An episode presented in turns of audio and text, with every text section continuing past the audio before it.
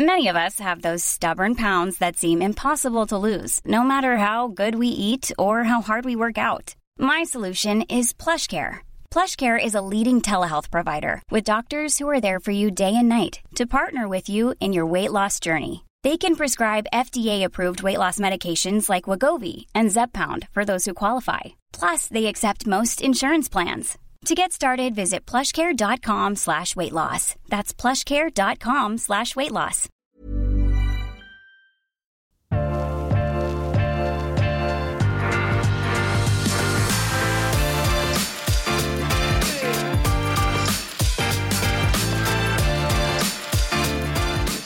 Vi kan jo godt si at uh, eh, vi skal feire England igjen i denne ukens eh, uh, podkast, men vi må förklara klargjøre et par detaljer først. For i studio har jeg en svenske. En mann som har lang erfaring fra vinindustrien, men som har kommet i en lykkelig posisjon der han er, og på en måte er en ambassadør, leder litt salget, er og fremmer en av de fremste engelske merkene på markedet. Og engelsk vin er i dag utelukkende engelsk musserende vin i Norge. Og en av de som kom tidligst på markedet i Norge, det är New Timber. Och välkommen Karl. Vi må få höra din svenska bakgrund. Tack så hemskt mycket för att vara här, jättetrevligt. Ehm, ja, min bakgrund den är eh, som du säger ganska lång nu faktiskt.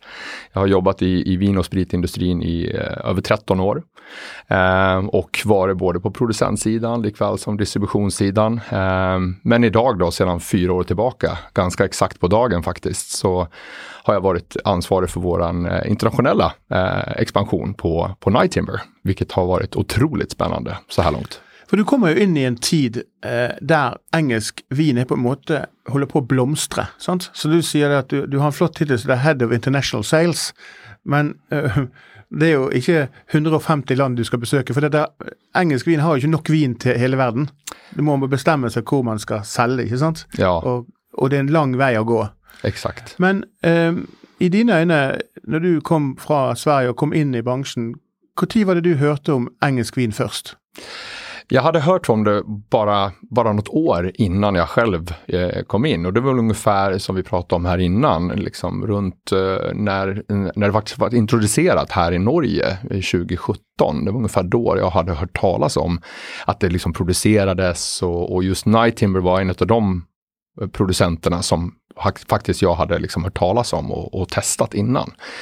Um, så när jag fick samtalet så, så var det ju ganska snabbt så att jag var väldigt nyfiken på att förstå mer och framförallt deras vision om hur de vill uh, utveckla det här. Och uh, det är precis som du säger, vi, vi kan inte sälja överallt. Vi har inte hur mycket som helst. Vi säljer allt vi tillverkar idag, vilket är en otrolig lyx på många sätt och vis. Men det också kommer med vissa utmaningar givetvis. Vi måste också vara väldigt duktiga på att eh, välja rätt. Ehm, och eh, idag säljer vi till över cirka 25 länder över hela världen. Eh, så att eh, vi kommer väl förhoppningsvis att öka det en del. Men um, Men för lyssnarna som eh, hör engelska vinmuseerna och og Timber, fortell oss lite om historien och hur og tid det startade och ja, Hvordan har New Timber kommet til den posisjonen i dag? For det er uten tvil at New Timber er den mest respekterte, en av de kanskje topp fem merkene også som hevder seg internasjonalt, sant? med sin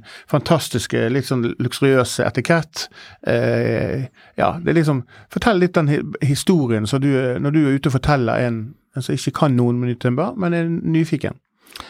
Nej men det, det, är alltid så att vi, vi många refererar till Night Timber, Night Timber som pionjären utav engelskmousserande vin. Och eh, det kommer ju sig att vi var den första som faktiskt också producerade eh, engelskmousserande vin utifrån grunden då, traditionella metoden mousserande vin eh, i tillverkningsprocess. Eh, likväl också uteslutande använda just Chardonnay, Pinot Noir och Pinot Meunier som också idag används till största del i champagne. Um, och det var egentligen där allting egentligen grunden började i visionen. Men vi kan ju backa vår historia väldigt mycket längre. Vi vet att Night Timber, namnet Night Timber, eh, kan vi kan vi se tillbaka på nästan tusen år nu. Eh, och det kommer sig till att eh, William the Conqueror, eh, han etablerade då The Doomsday Book tillbaka på 1086. Och det var ju såklart ett viktigt årtal för oss för att vi har kunnat gå tillbaka och se att vårt estate faktiskt existerade på den tiden. Och just Night Timber, det kommer ifrån det, det anglosaxiska ordet nitimbria, vilket betyder nytt trä eller new wood på engelska. Och eh, just den delen kommer att spela en väldigt viktig roll i, i vår historia också. Vi tror att det var ett, en, en, farm där man liksom odlade träd eller att kanske husen på den tiden var byggt av nytt träd. Det vet vi inte helt säkert. Men att det spelar en stor roll i vår historia, det, det kan vi alla eh, slå fast vid. Eh, senare så är ju faktiskt det ägs av flera olika konstellationer. Eh, Prior of Lewis, alltså munkarna, eh, ägde det under många år och eh, levde faktiskt eh, i, i ro där ute på, på, i mitten av hjärtat av West Sussex. Mm. Ehm, nu vet vi alla att munkar har ett väldigt känt liksom drag mot just dryck. Ja. Ja. så vi vet faktiskt inte om det kanske har producerats någon annan typ av dryck på estatet innan Night Timber. Eh, men man kan ju gilla idén av att det har gjorts någonting där. Men för att placera akkurat eh, Hvor exakt, när du landar i London eller på Heathrow, hur lång tid tar det att komma dit? Och hur kommer du dit? Ja, Heathrow, då kommer man lite grann på sidan av London eh, och då är det egentligen bara rakt ner eh, ja. från Heathrow. Och det tar med trafiken då inräknat så mm. kan man säga allt mellan en och en halv timme ungefär, kanske upp till två timmar. Eh, fördelaktigen skulle man flyga till Gatwick. Mm. Gatwick är ungefär 35-40 minuter från vårt estate och ligger oss rakt söder om London. Så tar man till exempel tåget från London Victoria Station så passerar man Gatwick som en del av liksom, resan ner. Så att eh, vi brukar säga från Victoria Station, centrala London, ner till Paulborough Station som är vårt närmsta station till Night Timber Manor, så är det cirka en timme och tio minuter. Så att det, det är ganska, ja, ganska nära. Ja. Ja. Men hvordan, eh, når, vi, når du liksom plasserer hvor, hvor ligger det henne, eh, så er det mange, eh, inkludert meg sjøl, som har til å reise og besøke. Mm. Er, er, det vanskelig å få til, eller er det en lukket estate? Vi er til viss del ett, eh, ett låst estate. Ehm, det vi har, det är att vi, har, vi är öppen för branschen först och främst. Vi har egentligen ingen hospitality där nere som är öppen dagligen för spontana drop-bys eller liknande. Utan eh, man får på förfrågan eh, liksom se om det finns möjlighet att besöka estatet. Men för privatpersoner, då, då har vi ett visst antal datum per år som man ganska enkelt kan finna på vår hemsida, nighttimber.com, som kallas för The Open Day Days. Och det är ett väldigt populärt event som sker faktiskt nu senaste helgen så hade vi öppet. Eh, och då är det fyra slots per dag eh, under hela helgen där konsumenter då får betala en, en, en liten peng då för att få komma och gå på en liten härlig turné i våran, eh, våran, våran fina vingård. Eh, uppleva historien och allt det som jag nu hittills också har börjat berätta. Mm. Eh, och självklart prova vin. Det är ja. det man också ja, är där för. Väldigt viktigt, väldigt viktigt, viktigt. Men eh, det är ju något som följer med när man blir ett internationellt brand eller blir mer känd, så har folk lust att resa dit och mm. de har lust att uppleva det. Så det är kanske något vi kommer att se mer av i framtiden, att den hospitality-biten blir ändrat på. För det, det är inte att lägga skjul på det att det är att starta en brand av dette kaliber her, og det med det volumet som finnes, så er det også eh, snakk om store investeringer. Mm. Altså det, det, du skal lønnes, alle skal lønnes, og det skal bygges stort. For første gang jeg hørte om New Timber, så var det på en måte ja, designet var satt, men det var ikke mye mer som mm. var satt. I dag er det litt mer strømlinjeformet. Det er litt mer eh, lengre horisonter. Men eh, hvis du tenker deg, når eh, var det New Timber forsto at dette var noe som eh, kunne bli veldig stort. Altså bli stort. Skulle... Hur många hektar är det där eh, disponerar du idag? Idag äger vi 350 hektar. Mm. Um, och uh, det är ju såklart otroligt mycket mark, men eh, det kommer ju sig lite av och som svar på din fråga så skulle jag säga att eh, första gången vi insåg att det fanns en stor potential, det var ju faktiskt när vår nuvarande ägare och vd Eric Rima eh, köpte estatet. Eh, och det här var ju då 2006.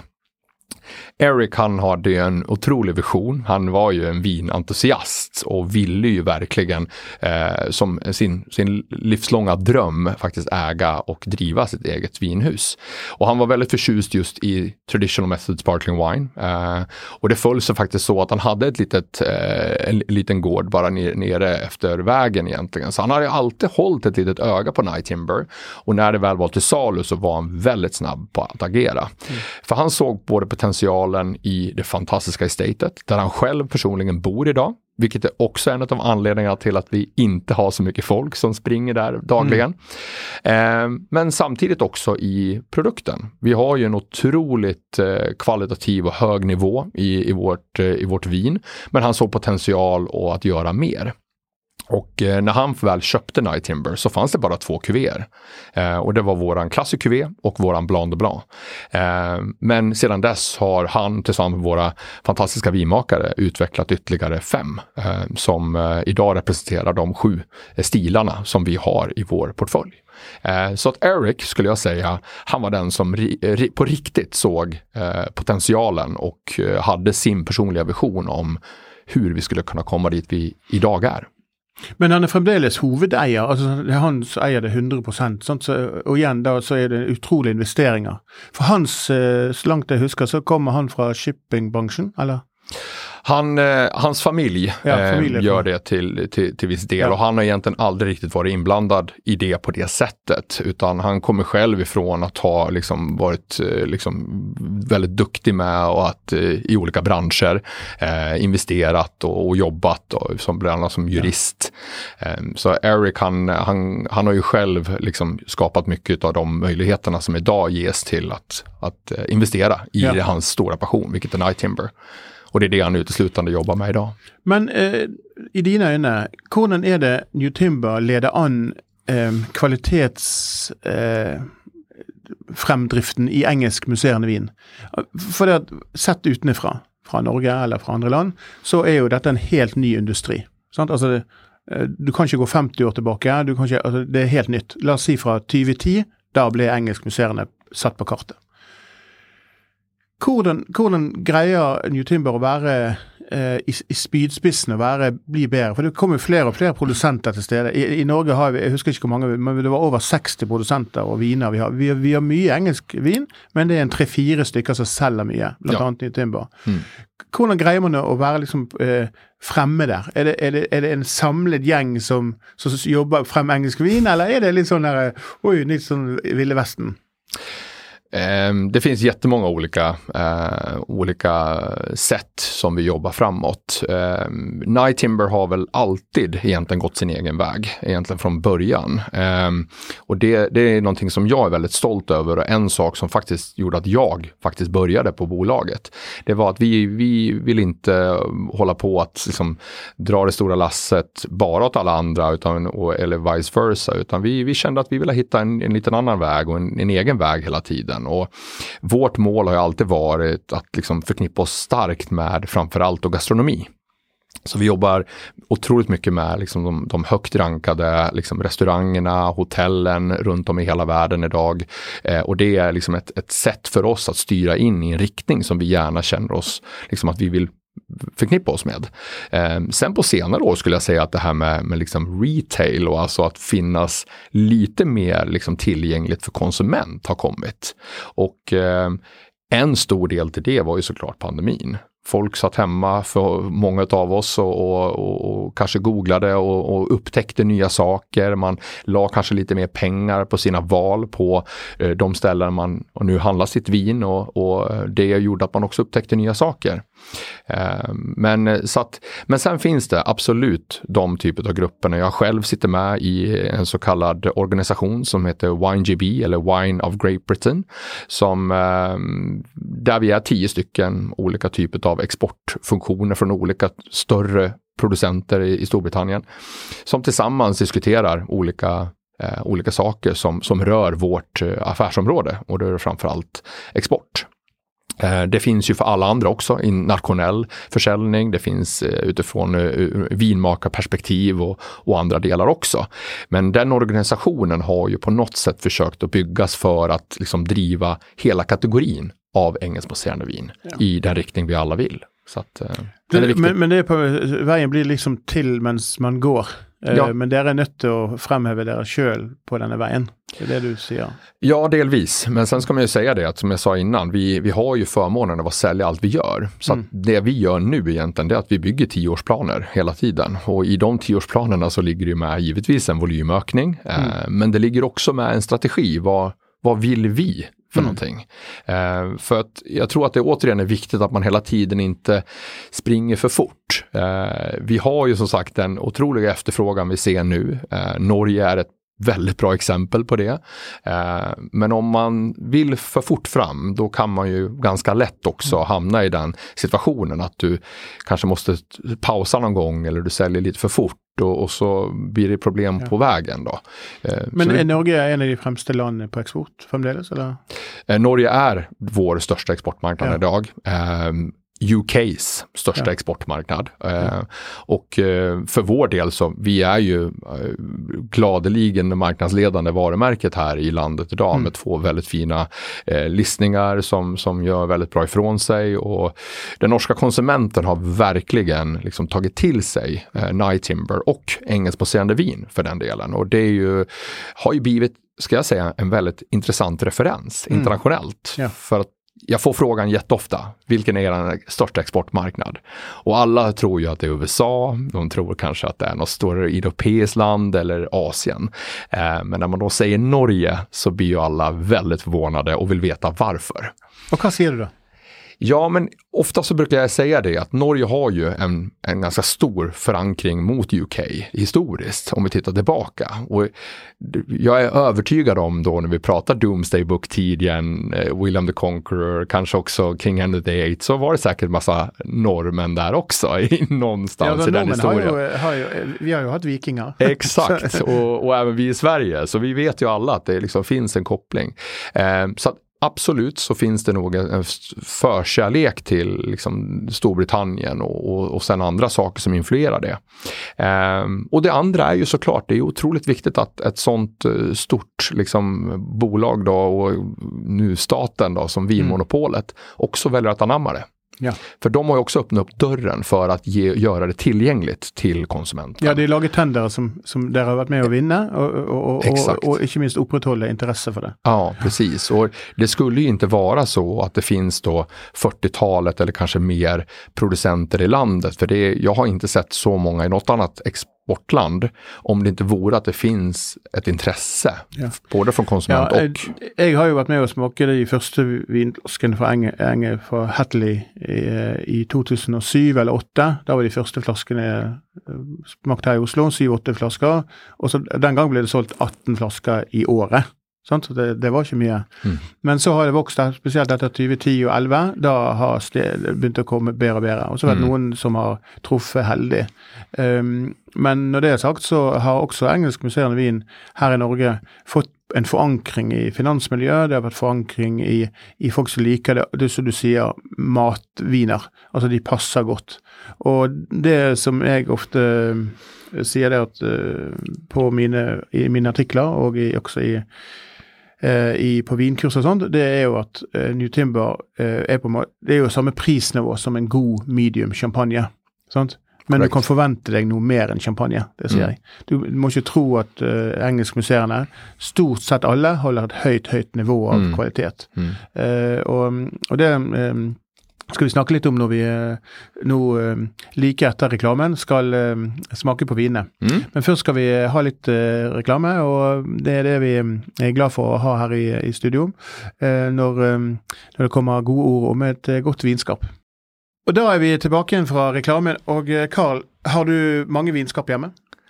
Eh, ja, det skulle jag väl säga. Ja. Jag, jag har rätt mycket, men eh, jag försöker också konsumera. Det är Ja. viktigt. Eh, jag försöker inte spara på dem allt för länge. Du Och, har, du har en jobb du må drikke hver dag. ja, Ja, det har vi to. Det Ja. Men det jeg lurer på litt, grann, når du snakker om vinskap og eh, lagring mm. La oss snakke litt om skal en vinflaske stå eller ligge? En, en musserende vinflaske. Ja men för oss så ligger de ju ja. eh, allt som ofta. Eh, det är ju liksom det som gör att den på något sätt får lite kontakt också och får lite, lite luft på det sättet. Mm. Och för vår del så ligger de oftast också när vi själva har lagt in dem på något sätt. Om vi låter dem ligga lite grann efter disgorgement till ja. exempel så, så, får de ligga på sidan. Ja. Men eh, när du kommer då till temperatur, fortell mm. och gå lite in i temperaturen. Hva er dine yndlingstemperaturer, både på når du skal servere, hvordan du tar vare på det? Hva anbefaler du for, for dine viner her?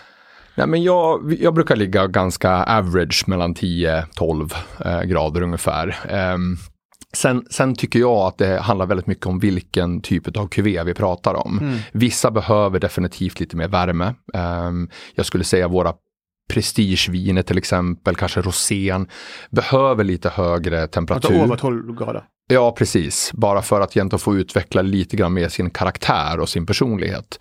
Eh, Medan andra viner då eh, tycker jag framhäver sig nästan bättre när de har liksom just den här lite lägre temperaturen runt 10, 11, 12 grader. Då. Um, så att uh, för min del så brukar det vara bäst att man börjar där. Uh, men sen pratar vi oftast väldigt mycket om glas um, och det tycker jag är en väldigt viktig aspekt i det också. Idag så, förr i tiden så pratade vi alltid om att det hade de här klassiska flutsen och, mm. och liknande. Och det är ju fantastiskt härligt på ett härligt event, ett bröllop eller vad det nu skulle kunna vara. Men uh, för att få bäst utveckling i glaset och, och liksom mest ut av vinet så, så är det bättre med ibland lite större kuper än mm. så. Um, och där kan man prata både de här lite nyare varianterna av champagneglas som är fantastiskt bra, eh, till och med lite Sauvignon Blanc-glas eller liknande. Ja. Men också på framförallt då kanske lite större buketter av liksom, eh, längre lagrade viner eller eh, prestigeviner. Och, kan vi titta på lite sådana här vin ja. idag som vi har här I idag. I studion så har vi eh, de ordinære vinene, Pinot-glassene. Mm. og Det kunne vært eh, Riedel, det kunne vært Salto, eh, det kunne vært mange typer. Men hovedsaken er at de har en ganske stor eh, oval klokke. Mm.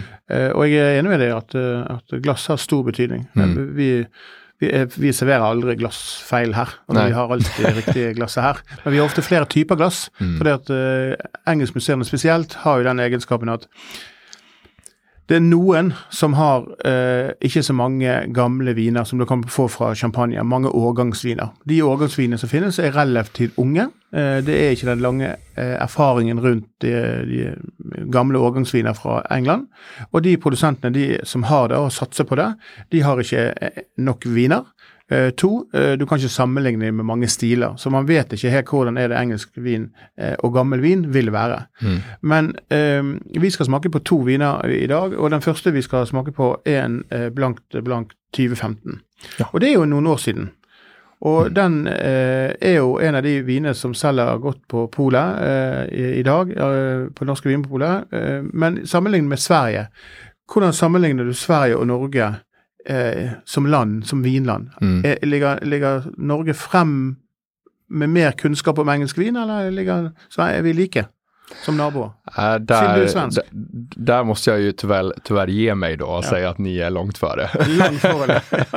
ja, um, men jag tror återigen, jag backar lite grann till det jag sa innan där gällande monopolen. Alltså att uh, Vinmonopolet har varit i framkant med att öppna upp för den kategorin och um, Systembolaget har kanske nu på senare år istället börja göra det. Jag har själv pratat med inköpare, kategorichefer eh, som jag eh, pratar med ofta och eh, de själva säger ju att de är ju liksom väldigt imponerade över den framfart som vi, men också engelskbaserade vin har haft just i Norge. Så att ja. de ser vad som händer här borta. Du, det är ju utan enhver tvil eh, att eh, Vinmonopolet i Norge är ett svært dynamisk eh, organisation mm. som eh, vill kundene godt. Det ser man. De ligger på topplistor på best likt og forskjellig. Mm. Og det gjør de bare ved å ta noen valg noen ganger, som mm. de gjorde den gangen med engelskbaserade vin, mm. og har latt det få hylleplass.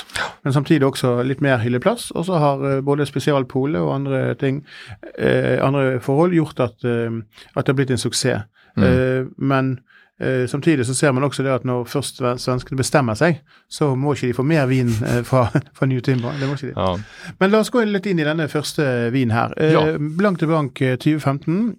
det er jo en vin som eh, som i hvert fall på, på rent sånn teknisk eh, har eh, forholdsvis høy syrlighet, 8,2 gram eh, syre. Eh, men, eh, men når du ser på sukkernivået, på, så er den 9,4 Mm. eh, per liter. Mm. Og der ser du på en måte, da vil du få en vin som veldig, eh, vi kaller det i Norge vinøs. Altså Mm. han smaker mye. Han er Mm. fruktdrevet ofte. Mm.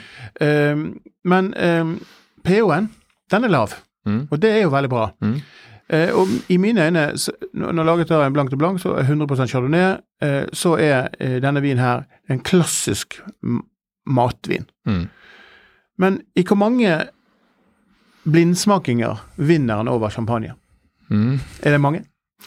Ja, eh, historiskt sett eh, absolut. Eh, Eh, vi, vi, idag så uppmuntrar vi aldrig till blindsmakningar själva. Eh, vi skulle aldrig organisera det själva, utan det är självklart jättemånga som har valt att göra det. det och det ser vi tillbaka på eh, framförallt Bland och Bland då, som var inkluderade i en väldigt omskriven eh, provning i Paris. Eh, och det här var 2016. Eh, och det var nog att på riktigt då, eh, den gången som vi såg att den internationella, liksom, eh, de internationella ögonen föll eh, väldigt snabbt på Storbritannien och just Night Timber. För vi var det enda vinet som vann våran, våran gren. Och det var tre viner från eh, varje land. Eh, en brutt från varje, en rosé från varje och en Blanc de Blanc från varje land. Och Night Timbers Blanc de Blanc hade blivit, eh, hade blivit eh, vald. Och det här var två stycken vinjournalister som helt eh, eh, ovetande av oss liksom, så ha, hade de valt de här vinerna att ta med till det här sällskapet av 14 toppbranschmänniskor eh, i just Frankrike. Ehm, och ehm, resultatet visade ju då att eh, liksom 13 utav 14 ansåg att vi var eh, champagnen eh, och 11 utav 14 ansåg att vi var bäst. Ehm, och det, vi gick upp mot ett väldigt fint och anrikt hus i just champagne då, i det här hitet. Också en Blanc de Blanc givetvis. Och, ja, det är någonting som vi givetvis vet att många frågar efter och har hört om. Ja. Och det, det tycker jag visar lite grann på att det var då första gången man märkte av det. Ja. Men det er ikke helt tilfeldig heller. For det at eh, hvis du ser litt på luftlinjer, og hvor langt det er egentlig fra champagne, for type jordsmonn eh, Mm. og for druer man eh, gjør Mm. det, kan du forklare litt hvor likt det er? Altså, hvis du tenker deg at eh, en gang så var jo engelske vinmarker som man i dag lager champagne på, og Mm. franske, de Mm. var sammen. Mm, Og så har de blitt skilt. Mm, Og jeg, eh, så langt jeg husker, så er det 140-150 km i luftlinje fra den nordligste grensen til den sørligste grensen. mm. Og det er jo da 150 mil. Nei, ja, 15 mil? Nei, hvordan blir det? Ja. En eller annen feil en eller annen, eh, Det är inte långt. Det er ikke langt, det er 140 km. Ja. Det, det er ikke langt. Eh, men så har det kommet et, en liten eh, engelsk kanal imellom. Så, så, men er det slik at du kan eh, utelukke mange områder i England som vinområder? Må du finne det jordsmonnet som, som er lik, likt i champagne, som er kalken? Det kan man absolut. Och det vi har sett, och det här kan man också eh, se själv på, på internet till exempel, det är att eh, det vi ser framförallt i sydöstra delen av Storbritannien, det är ju primärt att det är väldigt mycket kalk eh, och också grönsand som är också en av de, eh, de terroirerna som vi arbetar med. Då.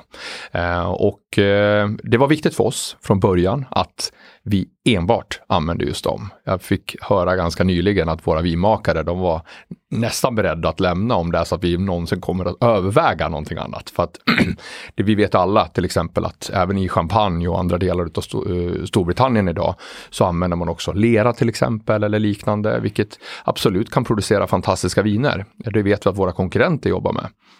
Men vi valde att liksom hålla oss till en sak.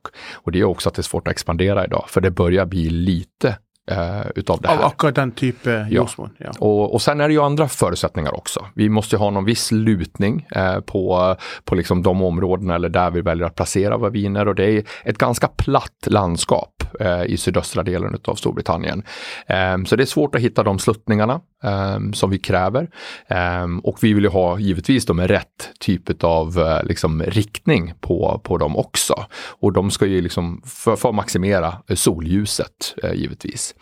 Uh, men det som vi märker idag det är ju såklart att karakt karaktären från den terroiren eh, den blir väldigt lik. Och nu ska vi testa till exempel Blanc de Blanc 15. och årgången innan den var ju då 2014. Mm. Där vi för första gången faktiskt använde eh, från just kalk. Eh, och faktiskt en majoritet, så 75% cirka var från kalk i Hampshire medan 25% var från West Sussex och grönsand.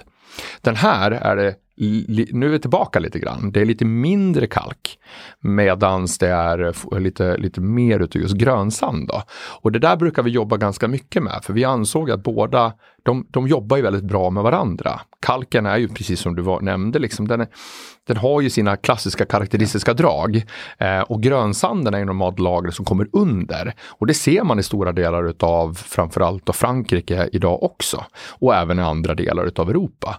Så att eh, vi vet att den tillför just det här lite mer gröna, lite mer frukten som, som balanserar väl med den där mineraliteten som vi söker. På, på smak så är det i, i, i min, i min gane så är det slik att uh, Timber kan du igenkänna på ett par, par, ting. Det ena är det att han har en sån iboende uh, syrlighet som är eh, uh, nesten over på mineralske preget. Uh, 20-15 ganger har han uh, fått en del autolysekarakter. Uh, ikke mye, men den er men den er markant syrlighet på lengde, og så mm. brer syrligheten seg langt ut. Så, mm. så, det er ikke nødvendigvis en vin som Serverer du den i et smalt glass, så blir han litt for syrlig. Han blir litt for ung. Eh, men i et stort glass så, så, får du liksom tyngden igjen. Men det som alltid imponerer mest, og du kan nesten gjenkjenne en New Timber på, er den konsentrasjonen i lengde. Mm. Så det er en ekstraordinær eh, fruktkonsentrasjon som da eh, som da dukker opp, og som gjør at han hever seg over standard champagne, hvis du skal sammenligne med det. Eller som gjør det at ah, dette her er en god matsjampanje. Mm. Og for meg, så, som har smakt uh, 2014 og de andre årgangene som har kommet fra, fra Timber, så er 2015 den desidert beste mm. hittil. Men ja, du har jo smakt nyere. Andra. ja, fra tank. ja. Og hva, hva, hva, kan vi forvente oss fra New Timber når det gjelder blank til blank i fremtiden? Hva, hvor går vi hen? Kommer det til å skje en stilforandring? Har dere funnet på altså, Det vokser, ikke sant? Derfor har dere tilgang på flere vinmarker litt mer verktøy. sant? Mm. Um, og dere har jo ikke 200 forskjellige vinmarker å velge fra. Hvor mange mm. vinmarker har Newtonberg i dag? Vi har 11 eh, vingårdslägen idag eh, och de hektaren då, som är utspridda ja. över tre olika regioner, alltså counties. Eh, Kent, West Sussex givetvis, där den största delen ligger, och även Hampshire då, eh, som alla ger olika förutsättningar ja. egentligen. Ehm, men jag skulle nog vilja backa bandet lite grann, för mm. det är faktiskt så att Eh, Eh, du pratade tidigare om det här med att det, det, är inte så gammalt och man har inte kanske lärt sig allt än och, och, och så vidare. Nightingale har hållit på i 35 år nu eh, och vår första eh, årgång var ju 1992 av just Plan de Blanc. Den lanserades 96 så att den hade ju då betydligt kortare gästfällning eh, än vad vi har idag. Eh, men det är också så att vi har kvar den i våra källare än idag. Så vi testar den varje år. Eh, och nu såklart ganska 30 år senare ja, ja. Så, så kan jag inte säga att den är på sin topp något mer. Men den har ju definitivt så att den, den visar upp en bukett som är otrolig på, på vissa delar och man kan ta mycket lärdom utav hur man kanske producerade vin då. Um, vi har ju sett andra till exempel, en stor favorit av mig som jag vet att en av våra brand ambassadors i UK sa till mig att en av anledningarna till att han ville börja jobba för Night Timber var när han testade Blanc de Blanc 03. Eh, så det finns de här uh, uppstickarna ja. som nu är 20 år eh, som har fantastisk utveckling. Men kommer de någon gång för salg igen? Disse, disse litt eldre årgangene? Altså 92, 2003 det, mm. Da var jo produksjonen veldig lav. Veldig, altså, lav, ja. veldig lav ja. Så det var på en måte Jeg skal ikke si hobby, men det var liksom Nei, men du, det, du, du er ikke langt borte. Sånn, det er ikke langt ifra der. Sånn, den internasjonale breaken, sånn, når han fikk litt mer volum og begynte å, å, å, rett og slett lage vin også for å selge for mm. å kunne bygge, det skjedde jo litt senere. Og den engelske industrien er jo på en måte også litt sånn nybegynnere, på en måte. Mm, Selv om mm. det har gått 35 år siden han startet, så er det fremdeles de 15 siste årene New Timber liksom boom, Ja. kommet som en kule. Ja. Men når du ser, smaker på gamle, og jeg har vært heldig for å smake på gamle New Timber Mm. innimellom, og da opplever jeg også det at det er en stor, stor forskjell. Mm. Eh, Selvfølgelig, de er gamle, eh, men de nye, når du ser den kvaliteten som i dag lages, så ser du Jeg er ikke redd for å kjøpe denne 2015 for å drikke den om, eh, om 35 år. Nej. Det er ikke jeg. Men jeg hadde vært veldig bekymret for å drikke en 92-årgang, eh, og hatt den Altså hvordan den var, da. For den, den har ikke den kraften i seg. Og det tror jeg den lærdommen har kommet litt etter hvert. Og spesielt Absolutt. gjelder det vel kanskje også på syrlighet, men også på klimaet. Ja. For klimaet gjennom disse 35 årene, det må vi nesten snakke litt om. For det er en grunn til at, at engelsk vin har blitt så god og har den posisjonen som er i dag. Og fortell meg litt om, om akkurat det, og våre lyttere. Hva som gjør at klima har blitt en suksessfaktor for engelsk vin? Jo, men jag tror att det, det säger sig självt lite grann att vi vet att klimatförändringarna går i den riktning eh, det gör. Vi ser ju till exempel att bara här nu i Norge, i Sverige, Danmark så producerar Det er man lov å vin. drikke på jobb, Carl. Du... Jag ska, absolut. Ja, det. Jag glömmer bort, prata för mycket. Eh, nej, men att vi, vi ser ju att liksom klimatförändringarna har till och med gjort att så här pass norröver har vi börjat kunna producera vin. Kanske inte riktigt i den typen av skala som i UK nu, men en vacker dag kommer det att vara också. Så det är klart att vi påverkas av det här på ett väldigt positivt sätt. Men det är fortfarande så att vi ser, vi, alltså vädret är väldigt okontrollerbart. Vi ser att till exempel vinter, vintersäsongen pushar lite längre nu än vad den kanske gjort tidigare. Vi såg senast i, i år att liksom det kom snö väldigt sent och, och det kan ju vara, ha väldigt stor effekt givetvis på, på blomning och så vidare i vingårdarna.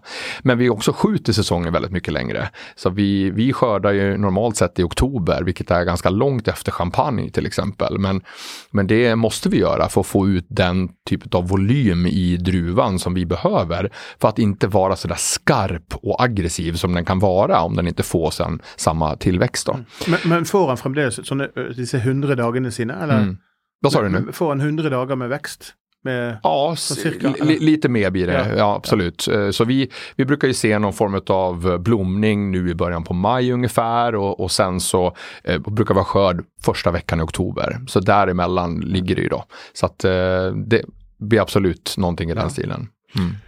Men for å konkludere litt med, med klima, så er det sånn Mm. at klimaet har hatt en stor betydning for at man kan lage vin ofte nok og i alle årganger. Stabile har, eh, har viner fra hvert eneste årgang som er stabile på smak. Og det ser jeg, eh, og eh, det vil også det, for dere som kjøper en 2015-årgang, eh, oppleve at denne vinen her, ingen problem å lage den i 30 år, ingen problem å, eh, å ha den og behandle den som en champagne. Men det er også litt urettferdig alltid å sammenligne med champagne. Mm. Og det tror jeg er viktig å poengtere. At eh, engelsk musserende vin vokser jo frem som en egen kategori. Mm. Og oss, eh, og vi hopper litt grann nå i podkasten, for jeg har litt sånn spørsmål som dukker opp og sånn. Men eh, hvordan er det dette her med klassifikasjon av engelsk musserende? Vi har jo champagne, vi har cava, vi har sekt, vi har de ulike navnene. Har England nå blitt enig om hva de skal kalle det generelle preget? Nej. Der er det fremdeles kaos.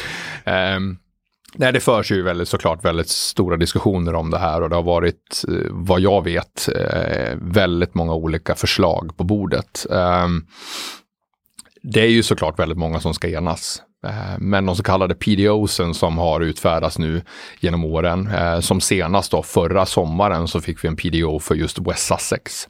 Så idag kan man göra ett West Sussex Sparkling Wine om man vill. Eh, det är ju liksom första gången det börjar hända i den typen av begränsning.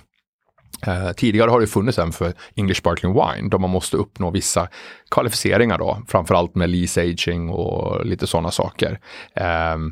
Det är ju någonting som vi jobbar för, att det ska komma dit. Sen vad namnet blir, ja, vi kanske ska ta och, och, och vika av en tio minuter idag och, och, spekulera. Men, ja.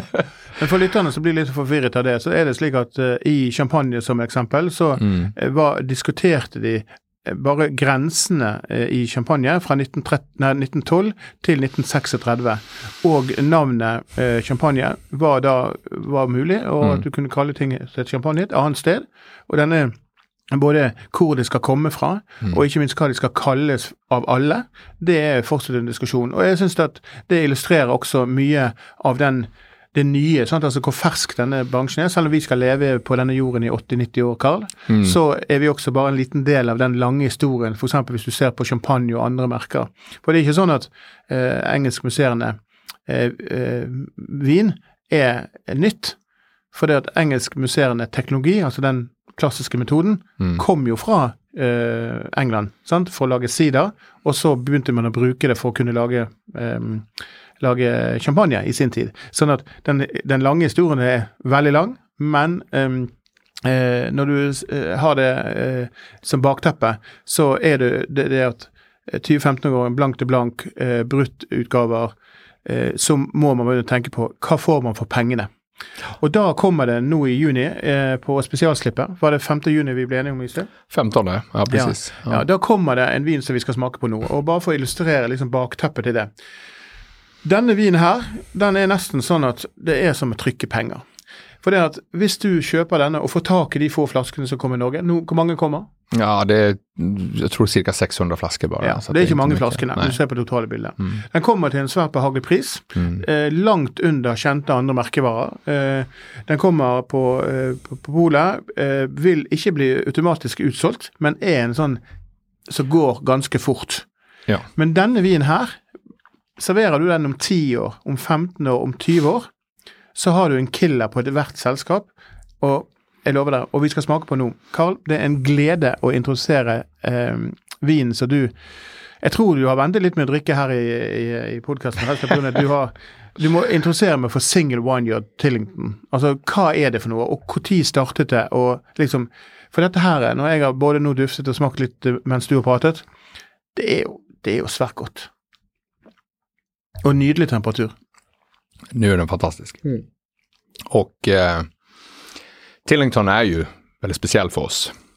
Det var ett av de första vinerna som eh, Eric, efter att han hade köpt eh, Night Timber, men också våra vinmakare, eh, som givetvis måste introducera för alla, eh, Sherry Spriggs och Brad Greatrix. Ehm, de kontaktade ju Eric bara ett år efter att han faktiskt köpte det. Så eh, år 2007 eh, kontaktade de Eric via info.nighttimber.com och frågade behöver du hjälp? Eh, de bodde då eh, vid tillfället i Vancouver i Kanada.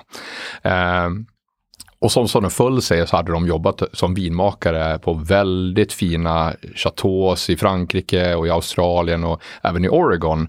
Eh, och kände att ja, men vi måste göra någonting nytt. De hade blivit introducerade för den här kategorin och framförallt just Night Timber Blanc de Blanc. Så Just, inte just den här årgången då givetvis, men en tidigare årgång. Och var helt, eh, helt eh, otroligt positivt överraskade över den kvalitet som fanns. Så de hörde av sig till, till Eric. Och de föll så pass rätt ihop att bara tre veckor efter första samtalet så flyttade de från Vancouver till West Sussex och bor än idag där och driver det här tillsammans med Eric då. Og det jo Jeg, jeg har snakket med dem på, på, på Zoom under pandemien Mm. et par ganger, Mm. akkurat rundt akkurat det der. Og det er jo galskap. Altså, Mm. Bare flytte opp alt, reise dit. og de, de sa til meg ja, at nei, de flyttet pga. det smakte så godt. Mm. Det var liksom, åh, De måtte bare Ja. komme og til For eh, la oss være ærlige. England er liksom ikke navlen av fine vær og flott vær, og det er et utfordrende vær. sant? Og England er spesielt å bo i, spesielt kanskje i disse tider, jeg vet Mm. ikke. Men de har vært med på å skape en, en, en, en, en suksess. Men det jeg føler ofte, når du ser hva de har tilført uh, New Timber, det er det at de, de tilfører kontinuitet i vinmaking. Sant? Altså, Verkligen. virkelig sånn. Og de er de har stor smakskompetanse. Eh, de opptrer vel, som et godt team. altså Du opplever det at de bryr seg veldig mye om det. Ja. Og En ting som jeg har eh, lagt merke til, er at det er det at New Timber de har bærekraft. Altså det å tenke på helheten. Og La oss eh, snakke litt om det. Hvor mye bryr dere dere om bærekraften i engelsk vinindustri? Altså Hva, hva gjør dere for liksom å ikke sette så store fotavtrykk? Er det en tanke bak det i den produksjonen dere har i dag? Alltså, för vår del så handlar det lite grann hela tiden om, skulle jag säga, kvalitet, kvalitet, kvalitet. Eh, allting vi gör, vare sig det är vin eller om vi tittar på marknadsföring eller hur vi uppträder som personal eller vad det nu må vara, så är det otroligt viktigt för oss att hålla en hög kvalitet. Eh, och det tror jag liksom bara blir det viktigaste på ett sätt, liksom i grund och botten. Vi, vi pratar ju lite grann om, om gästfällning eller lease aging och eh, Night Timber har ju idag en standard av 36 månader på gäst. Det är långt minimum, ja. Ja. minimum ska jag säga. Ja. För att eh, Blanc de Blanc som vi var inne på, det är sex år för första gången. Mm. Eh, normalt brukar det vara fem år. Eh, så att den har liksom, det har tagit nästan sju år att göra det vinet säger ju en del, lite mm. grann av vår kapacitet. Men också att vi inte stressar. Och jag tycker att det var en av de sakerna som jag kände direkt var så avgörande också när jag jobbade, började jobba för dem. En stolthet, ska jag säga. Eh, när man kan presentera ett vin och, och känna att ja, men bara för att vi kan sälja så ska vi inte lansera snabbare eller pusha våra, liksom, våra krav på våran, våran produkt. Eh, och det gäller ju även med allting annat, kommunikation och, och liksom etikett eller vad det nu må vara. Vi ska upplevas på det sättet. Men är eh, vingårdarna där ekologiskt drivet eller är det? Vi, eh, tyvärr så kan vi inte klassificera det som ekologiskt eller liknande idag. Vi, jag, jag kan säga det att vi har ett litet några hektar mm. där vi har certifierat ekologiskt bara för att kunna testa oss fram. Mm. Det är så att klimatet än idag ger liksom inte förutsättningar för att egentligen hålla det så ekologiskt som vi skulle vilja. Vi jobbar dock väldigt, väldigt liksom sustainable och liksom jobbar med miljötänk i allting vi gör. Vi tar hand om allting, liksom alla druvor som vi jobbar med tas alltid hand om oss själva. Vi säljer inga druvor till någon annan som inte vet vad de gör med dem, utan vi använder det som vi vill använda och sen återför vi det, komposterar eller liknande om det behövs göras då, eller resterna för den delen då. Eh, vi har också en sån härlig eh, liksom samarbete med en bonde eh, som bor ganska nära Night Timber som varje år efter skörd låter sina eh, fina får gå runt i vingårdarna och, och egentligen äta löv och sånt fall, eh, fall som, avfall som kommer ner från själva vinrankerna. Mm. Och det här är sådana små detaljer som är så viktiga för oss. Liksom. Det, det ser väldigt fint ut, det kan jag lova. Men, eh, men framförallt så är det liksom en win-win eh, för alla. Det är win för oss, det är win för bonden eh, som får, får mer mark att beta på, men också miljön i, i grund och botten. Men vi går ta denne, denne 2014 fra mm. Single One eller fra Tillington. Eh, hvordan beskriver du den når du, eh, når du beskriver den nå? For meg så er det sånn at den har litt utviklet frukt. Altså den, den har sånn eh, aprikos, rødt eple. Eh, den, er, den er hakket litt lavere på, på syrlighetsfølelse, mm. men den er mer kremet. Så dette her er sånn mm, Dette var kos. Dette deler ja. du med din kjære og har på en god aften. Ja. Men det du også ser, det er det at du merker det at den er relativt ung. Eh, men den har den der syrligheten så du kan gjenkjenne. Og mm. blindt hadde ikke jeg tatt denne. Mm. Blank til blank hadde vært ganske lett å ta for meg, mm. men, men, denne her er litt annerledes. Mm. Men er det sånn at den är lik från år till år eller är detta här något som de... Den kan skilja lite grann. Ja. Eh, det som jag, bakgrunden till just Tillington, eh, hur den kom till, var ju faktiskt att Sherry då, en vacker dag, gick runt i på vårat estate Tillington som ligger i West Sussex. Mm. Eh, och kanske en av våra li, lite större estate. Och hittade då en viss eh, liksom del av vingården där Pinot Noiren stack ut. Hon testade druvorna och tyckte att den här var exceptionellt bra. Och var komplex på, på ett sätt som hon aldrig hade sett. Eh, både i och utanför High Timber. Och som sagt, Sherry kommer och hon har jobbat i bland annat Oregon mm. och hennes favoritdruva är just Pinot Noiren, alltså just att kunna jobba med den på det, den komplexiteten som den har. Ganska höjt, 78 procent är det Pinot Noir, och resten är Chardonnay, så det är, det är väldigt markant Ja. av det. Ja. Och det här är ju så nära vi kommer en Blanc de Noir. Ja. Eh, men anledningen till att det inte är en Blanc de Noir är ju lite grann för att identiteten i Night Timber är ju våran Chardonnay. Så att i alla produkter vi har så finns det ju alltid mer eller mindre utav Chardonnay. För just den där syran som den bidrar med och framförallt liksom mognaden som sker efter några år och ändå behåller den här fantastiska liksom syran och liksom piggheten nästan om man kallar det så. Den är slående. Och det händer även här. För det här är ju en produkt nu som är alltså 2014. ja, den är färdig. Och ändå är den liksom Helt. fortfarande fräsch och Ja. liksom härlig och har en, men har fortfarande den här komplexa paletten. Mm. Och för mig är det här det ultimata liksom eh, gastronomiska vinet. Här kan du jobba väldigt, väldigt brett med lite andra inspel också, lite, till och med lite vitt kött till och med. Eh, men även liksom lite Ja. tyngre fisk och skaldjur.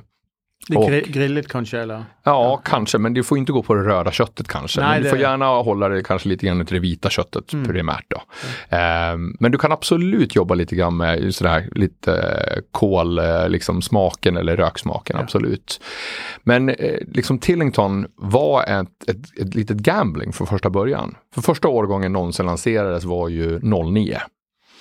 Och då lanserade vi, om jag inte minns fel nu, men jag cirka 2500 flaskor i Storbritannien.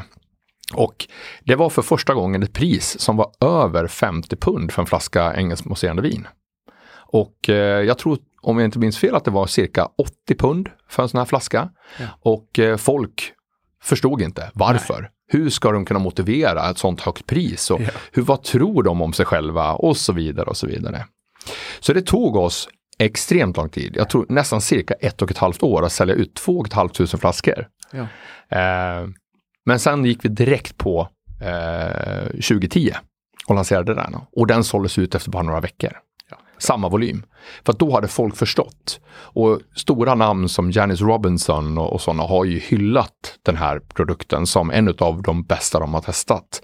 Och eh, jag vet till exempel Rickard Julin som är en väldigt erkänd champagnekonnässör. Eh, eh han har sagt att det här är det bästa liksom, bubblet han har druckit utanför champagne. Eh, under en provning med just Brad och Sherry.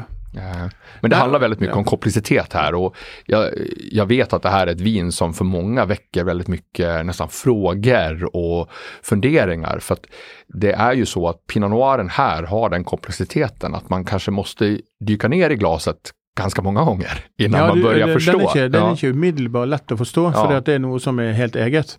Men det som er helt sikkert, det er at eh, denne vinen, i mine øyne, fortjener sine 293 poeng. Eh, u, altså, og, og det er fremdeles i Norge en billig champagne. Det er synd at det kommer bare 600 flasker, for det kommer til å bli ganske fort utsolgt 5.6, men det er et godt råd. Nu tror jag vi sa fel på dem, för jag tror att 600 flaskor var på Blanc de Blanc. Ja, så jag tror att det är allt mindre, på... Enda mer krisekall. Ja. Nei, men da, da får vi leve med det at eh, det kommer, um, det kommer enda mindre. Eh, Da, da tipper jeg at det kommer 48. Ja, det Kanske. Är, det, det är ganska mycket Vi kan nevne det i podkast-episoden når vi vet endelig det. Det er kanskje ikke helt endelig bestemt, men det som er Ja. viktig, det er at eh, engelsk vin er i fremgang. Og eh, Ja. det er alltid hyggelig å snakke med folk som er engasjert i sin jobb, eh, Karl. Du er det, tydeligvis. Selv om du er fra Takk. Sverige og jobber med et kjent engelsk museum vin. Men eh, helt på slutten her så har jeg lyst til å vite, lages det eh, på bakrommet brennevin av New Timber? Nej, Mark? Nei. nej, Nei. Ikke søt heller. Nej. Nej. Ehm, alltså för vår del så, vi, vi har våra sju kuvéer, det är Mm. det vi fokuserar på. Eh, vi får ofta frågan till exempel om vi gör stilla vin. Eh, och det var faktiskt Eric och även Brad har sagt det också, men framförallt Eric sa det att eh, vi, ska vi någonsin göra stilla vin i framtiden utan att säga ja eller nej till om vi kommer att göra det eller inte är ju att vi skulle aldrig ta ifrån det vi idag har. Vi skulle i så fall köpa ny mark och odla specifikt för det ändamålet. Så att de 350 hektar vi idag äger, det är liksom bara för att producera eh, toppkvalitet av engelskbaserade vin. Da kom eh, dagens eh, nyhet. så Det var det at kanskje en vakker dag så får du stille New Timber. Men inntil da så må vi skåle i 2014 og 2015. Og skål, gi- tusen takk for besøket, Karl. Ja, men tack så hemskt mycket, jättetrevligt. Takk for det.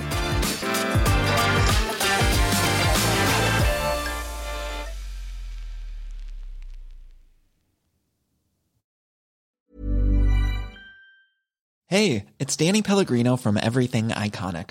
Ready to upgrade your style game without blowing your budget? Check out Quince. They've got all the good stuff shirts and polos, activewear, and fine leather goods, all at 50 to 80% less than other high end brands. And the best part? They're all about safe, ethical, and responsible manufacturing. Get that luxury vibe without the luxury price tag. Hit up quince.com slash upgrade for free shipping and 365 day returns on your next order. That's quince.com slash upgrade. Ukens vindtips med Svein er en Finansavisen-podkast. Programleder er Svein Lindin, produsent er Lars Brenden Skram, og podkast- og videoansvarlig er Marius Mørk Larsen. Ansvarlig redaktør er Trygve Hegdar.